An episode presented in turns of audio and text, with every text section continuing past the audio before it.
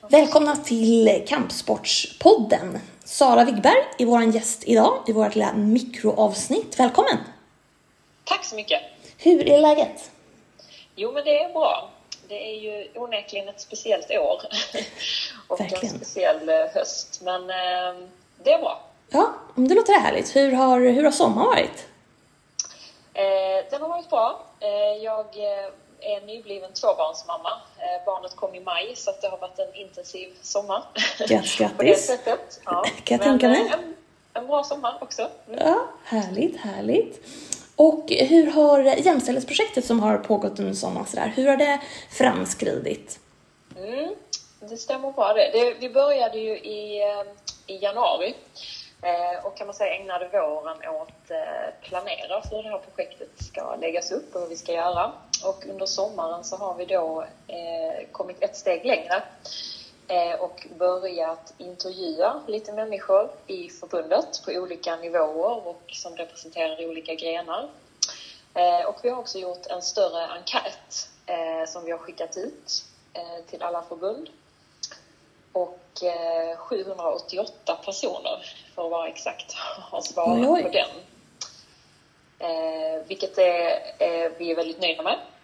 Eh, så att nu har vi ett litet underlag här som vi har samlat på oss under sommaren som vi ska kika på eh, och göra en analys av, kan man säga, här under hösten för att komma fram till en rapport eh, som så småningom kan leda till eh, vilka utbildningsinsatser som vi kan behöva inom förbundet för att jobba vidare med de här frågorna och göra någon form av översiktsbild kring hur Bud och kampsportsförbundet står i jämställdhetsfrågan.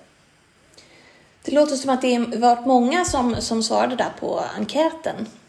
Mm. Ett högt Jo, men det är deltagarantal. positivt, eh, eller överraskande, men vi, vi är glada att det var många som tog sig tid att svara. Det, det, I och med att corona också har legat som ett, eh, ett filter över allting så vet man inte heller hur mycket tid eh, alla, alla har för att engagera sig i olika frågor så att säga, som inte handlar om corona och hantera den direkta verksamheten. Men jämställdhet är ju ett aktuellt ämne och ett viktigt ämne så att, eh, det, det tyder väl ändå svarsfrekvensen på. Mm.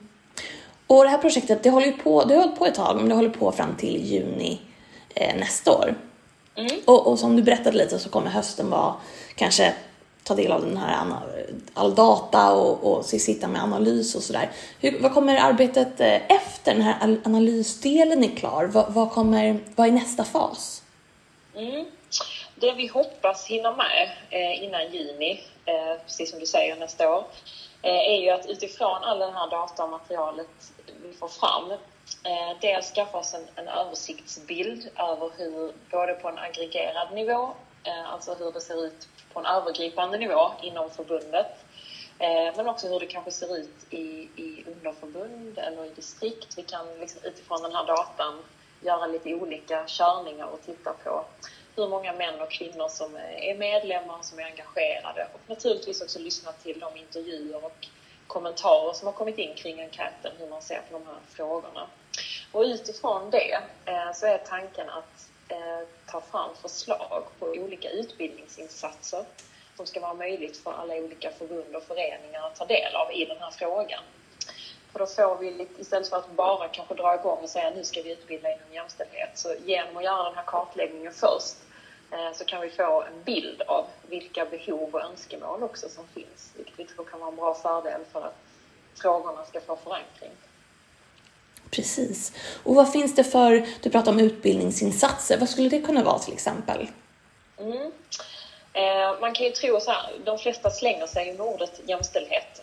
man tänker kanske att alla vet, Eh, vet vad jämställdhet är. Men, men så enkelt är det inte riktigt. Utan en, jämställdhet, eller en utbildningsinsats kan handla om att börja prata om vad är jämställdhet?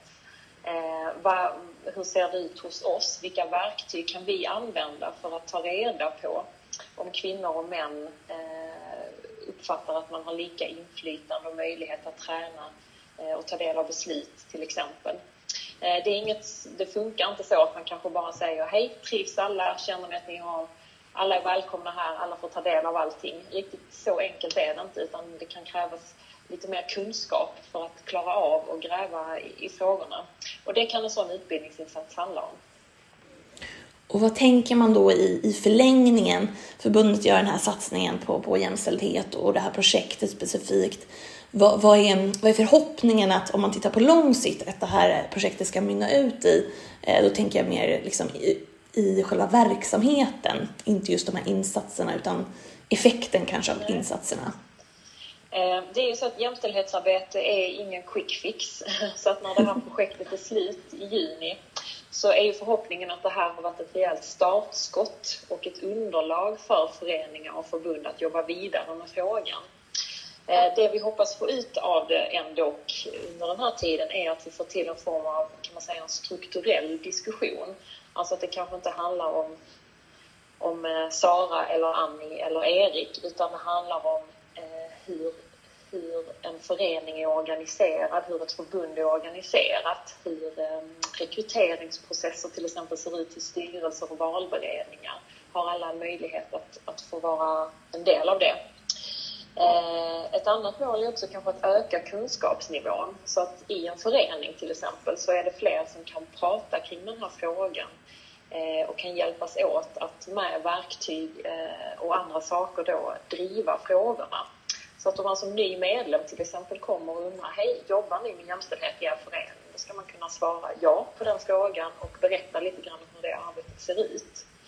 Så att det är ju, jämställdhet är en ska säga, en färskvara, en levande fråga.